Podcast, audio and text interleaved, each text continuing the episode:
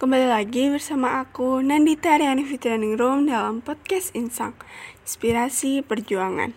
Yang kali ini kita akan membahas tema Belajar Mandiri. Siapa takut? Nah, yuk kita langsung ke pembahasannya. Oke, mungkin di sini banyak banget terbesit di uh, pemikiran teman-teman semua bahwa bisa nggak ya aku belajar mandiri, bisa nggak ya aku lolos dengan uh, aku belajar mandiri lolos ke seleksi-seleksi perguruan tinggi atau seleksi-seleksi lainnya. Nah, di sini aku akan jawab bisa banget nih teman-teman.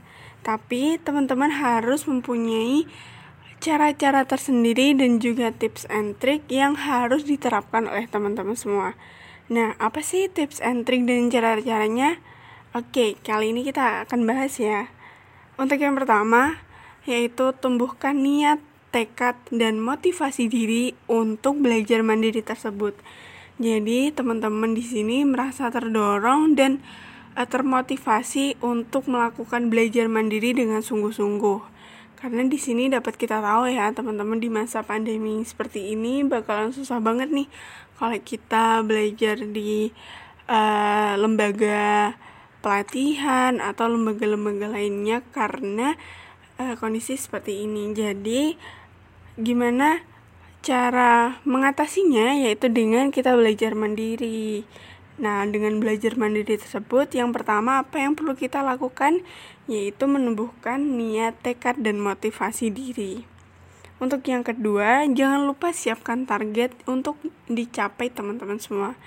Jadi, setelah kita membangun niat, tekad, dan motivasi diri, serta hal itu menumbuhkan dorongan untuk kita untuk mencapai target yang sudah teman-teman tentukan. Oke, okay? dan jangan lupa untuk mengatur waktunya. Jadi poin yang ketiga di sini adalah manajemen waktu. Teman-teman harus memanage teman-teman waktu teman-teman semua sebaik mungkin dan seefektif mungkin. Jangan sampai teman-teman menyanyiakan waktu yang banyak dan di kemudian hari akan menyesal. Oke. Dan poin selanjutnya yaitu teman-teman jangan tergantung pada teman. Jadi jangan mudah bergantung pada teman. Kayak misalnya nih, uh, kita belajar mandiri. Terus kita tanya ke temennya, eh kamu mulai belajar kapan? Eh kamu mau belajar apa? Atau eh kamu targetnya apa? Itu. Jadi teman-teman harus memberikan atau memutuskan keputusan sendiri untuk diri teman-teman sendiri. Jadi, buatlah keputusan sendiri dan untuk diri sendiri sehingga nantinya teman-teman bisa bertanggung jawab atas keputusan tersebut gitu.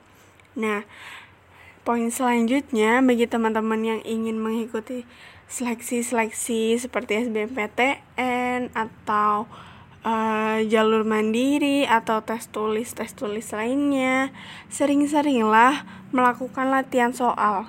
Karena di sini biasanya ada nih tipe teman-teman yang lebih uh, paham jika sering-sering melakukan latihan soal tapi ada juga nih teman-teman yang lebih paham jika mendalami suatu materi sampai ke akar-akarnya terus baru tuh paham dan bisa mengerjakan latihan soal. Jadi nanti disesuaikan dengan cara belajar teman-teman aja. Nanti uh, kalau misalnya lebih paham dengan melakukan sering-sering latihan soal lakukanlah sering-sering latihan soal. Jadi jangan anggap uh, latihan soal tersebut sebagai beban tapi sebagai uh, salah satu cara untuk kita belajar atau metode belajar kita. Gitu.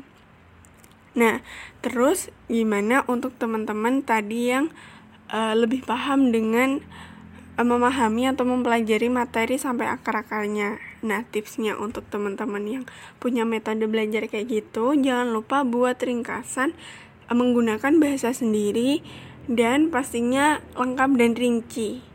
Jadi mungkin catatannya nggak perlu semuanya disalin gitu nggak, cuma kasih aja poin-poinnya terus uh, pokoknya diringkas dan diresum sesuai dengan uh, kemampuan teman-teman sendiri sesuai dengan pemahaman teman-teman sendiri gitu jadi semuanya itu bergantung dengan teman-teman semua metodenya dan juga cara belajarnya, cara meringkas ataupun dengan melakukan sering-sering latihan soal. Nah, tadi udah banyak banget nih aku sebutin bahwasannya tadi merupakan poin-poin penting yang perlu teman-teman miliki untuk bekal melakukan belajar mandiri di rumah masing-masing. Nah, ada satu poin penting lagi yang perlu teman-teman catat nih. Teman-teman harus sering-sering melakukan diskusi. Nah, diskusi ini temukan teman belajar yang sesuai dan nyambung dengan teman-teman nggak perlu teman deket yang satu SMA atau teman SMP dulu atau teman SD dulu. Teman-teman bisa cari teman-teman yang uh, sesuai dan nyambung dengan apa yang kita bahas. Kalian bisa nih dengan cara cari mutual friend di Telegram atau di Twitter atau di Instagram, Facebook banyak banget deh caranya. Yang penting teman-teman di sini uh, ada niat dan ada tekad untuk itu maka nanti bakalan ada eh, hal-hal uh, pendukung lainnya yang akan datang dengan sendirinya seperti teman ini tadi. Jadi kan banyak tuh uh, tweet-tweet yang terkait dengan metode belajar untuk SBM SBMPTN terus latihan-latihan soal SBMPTN atau bahkan grup pejuang SBMPTN itu banyak banget di Twitter yang itu jangan lupa dimanfaatkan teman-teman. Jadi media sosial itu dipergunakan dengan baik dan juga dimanfaatkan sebaik mungkin. Jangan hanya untuk uh, scroll TikTok, scroll IG yang nggak perlu.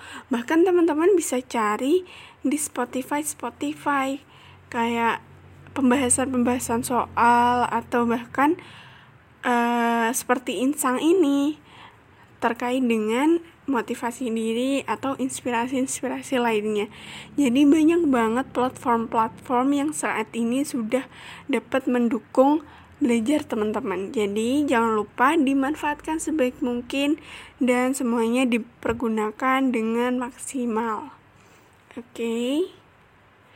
Mungkin itu aja yang dapat aku sampaikan untuk podcast kali ini. Aku mengucapkan terima kasih banyak atas uh, perhatiannya dan juga sudah mau mendengarkan podcast ini. Semoga dapat bermanfaat bagi kita semua. Dan aku mohon maaf banget jika ada kesalahan ataupun uh, perkataan dari yang udah aku ucapkan tadi yang kurang berkenan di teman-teman aku mohon maaf banget dan jangan lupa tetap dengarkan podcast Insang setiap hari Senin jam 7 malam so see you on the next Insang bye bye